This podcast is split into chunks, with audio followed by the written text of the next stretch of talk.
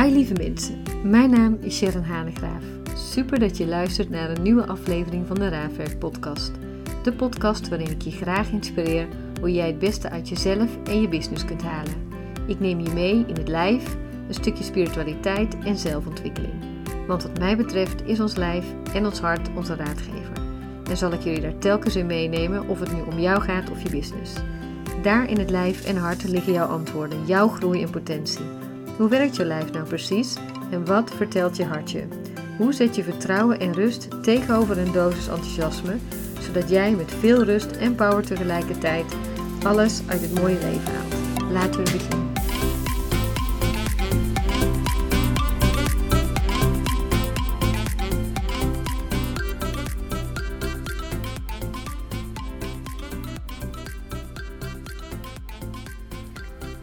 Goedemorgen lieve mensen, of middag of avond. Maar in ieder geval wat fijn dat je er weer bent en naar mijn podcast luistert. Ik kan er enorm van genieten zo als ik terugkijk wie er allemaal luistert. En zeker ook als ik reacties van jullie krijg. Dat is echt uh, waarvoor ik het doe. Ik vind het heel fijn om je te inspireren. En ik heb ook mezelf vandaag weer laten inspireren door Wayne Dyer. Wat een geweldige man. Als je hem nog niet kent, zoek eens wat van hem op. Hij is ontzettend inspirerend. En ik heb net naar een speech geluisterd waarin hij een quote citeerde van Albert Einstein. En die is: Wanneer je op een andere manier, die andere manier naar dingen leert kijken, veranderen de dingen waarnaar je kijkt. Dus ik zal hem nog een keer zeggen: wanneer je op een andere manier naar dingen leert kijken, veranderen de dingen waarnaar je kijkt. En dat is zo'n mooie zin. Het gaat niet eens om de zin zelf, maar het gaat er wel over dat je je eigen wereld creëert. En waar hij dan ook zo over spreekt, is dat je allemaal een fundamentele beslissing in je leven mag maken, omdat het daar volgens mij ook echt over gaat. Wat hij zo heel mooi aangaf is: leef ik in een vriendelijke of in een vijandelijk universum? En dat heeft hij ook van Albert Einstein. Dus welke keuze maak ik? Leef ik in een vriendelijke of vijandelijk universum? En dat is denk ik wel hoe je naar de wereld kijkt en hoe je jezelf daarin beweegt. Het is niet alleen die zin, het is vooral denk ik ook hoe de wet van aantrekking werkt. Dus hoe jij denkt, dat is wat je voor jezelf creëert. Op het moment dat jij gelooft in een vijandelijke wereld, in het moment dat je gelooft bijvoorbeeld in tekort, dan is dat ook wat je toekomt. Dus de sleutel naar een meer vriendelijke wereld is de sleutel die je hebt te vinden in jouw mind, in wat je jezelf vertelt. En ehm, hij vertelde ook een ontzettend mooi verhaal dat hij zegt: als we een probleem hebben, dan zoeken we vaak buiten ons de antwoorden. En hij vertelde over een verhaal dat hij zijn sleutels kwijt was, dat er binnen geen licht was, maar dat de lantaarns buiten op straat wel aan het schijnen waren. Dus hij loopt naar buiten en is zijn sleutels aan het zoeken. En op een gegeven ogenblik komt daar iemand hem helpen en kan de sleutels ook niet vinden, waarop die man aan hem vraagt: Waar ergens ben jij je sleutels verloren? Waarop hij zegt: Nou, binnen. En die man kijkt hem heel erg gek aan en die denkt: hè, binnen, waarom ben ik hem dan buiten aan het zoeken? Dit is ook zo wat ik heel vaak tegenkom in mijn opleidingen. Dus wanneer iemand dan komt zo naar de masterclass of naar vrouwenkracht of de jaaropleiding, maakt niet zoveel uit. Maar waarbij ze met een verlangen komen, ze ook ergens zo de schuld buiten zichzelf leggen en daarmee geen verantwoordelijkheid nemen. Dus ze zoeken de oplossing buiten zichzelf. Terwijl ik erin geloof dat de oplossing in jou ligt. De antwoorden liggen in jou. En alleen jij kan de beslissing nemen en een andere weg kiezen. Om zo ook jouw antwoord te vinden. En jouw realiteit dus ook op een andere manier in te vullen. Dus op het moment dat je de weg naar binnen maakt, gaat het niet over theorie, maar gaat het over jezelf zo aankijken. En dan spreekt hij ook nog over, en dat vind ik ook wel heel mooi. Hij zegt: Iemand die afkeer voelt van binnen, iemand die wraak voelt van binnen over wat of wie dan ook. Of dat nou is over een ex-partner, over je ouders, over vrienden of over werk. Dus over iemand of wat uh, aan onderwerp je pijn heeft gedaan, dan kan je daar boos over blijven. En hij geeft daar een heel mooi voorbeeld van, dat hij zegt: Er is nog niemand doodgegaan aan een slangenbeet. Dus aan de beet zelf is niemand dood gegaan, maar het vergif wat uit de mond komt en die zo in het lijf zo doorcijpelt, daar uh, nou, daar gaan mensen wel letterlijk aan dood. Maar dat is ook wat wij dagelijks doen. Op het moment dat wij niet zo bewust zijn van hoe wij dat gif in ons rond laten gaan, dan zijn we ook niet bewust wat voor realiteit we voor onszelf creëren, terwijl je die zelf wel in de hand hebt. Dus op het moment dat je een bepaalde uh, gedachtegang hebt en je zegt tegen jezelf: zo zal het gaan, dus je denkt op een bepaalde manier ergens over dan breidt die gedachte zichzelf ook uit. Dus op een moment dat ik het gevoel heb dat ik niet succesvol kan zijn, dan komen er ook geen klanten op me af. Waarom? Omdat de wet van aantrekking zo werkt en omdat ik dan op een andere manier ook ga acteren. Want er komen allerlei gedachten bij die aansluiten op die gedachte dat ik niet succesvol ben. Anders dan dat ik wel succesvol ben als ondernemer. En waarbij ik dus ook mezelf anders ga gedragen omdat ik andere overtuigingen heb. Dus ik ben daarin niet meer voorzichtig, maar ik pak het zo ten volle aan, uh, omdat wat ik zo tegen mezelf zeg, daar ook de ruimte voor geeft.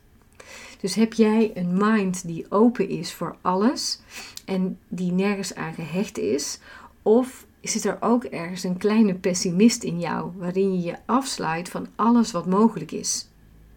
Want dat je je afsluit van alles wat het leven je te bieden heeft. Aan de andere kant de open mind, die open is zonder dat die gehecht is, daarmee kan je jezelf ook zo verlossen van alles wat je verdrietig maakt.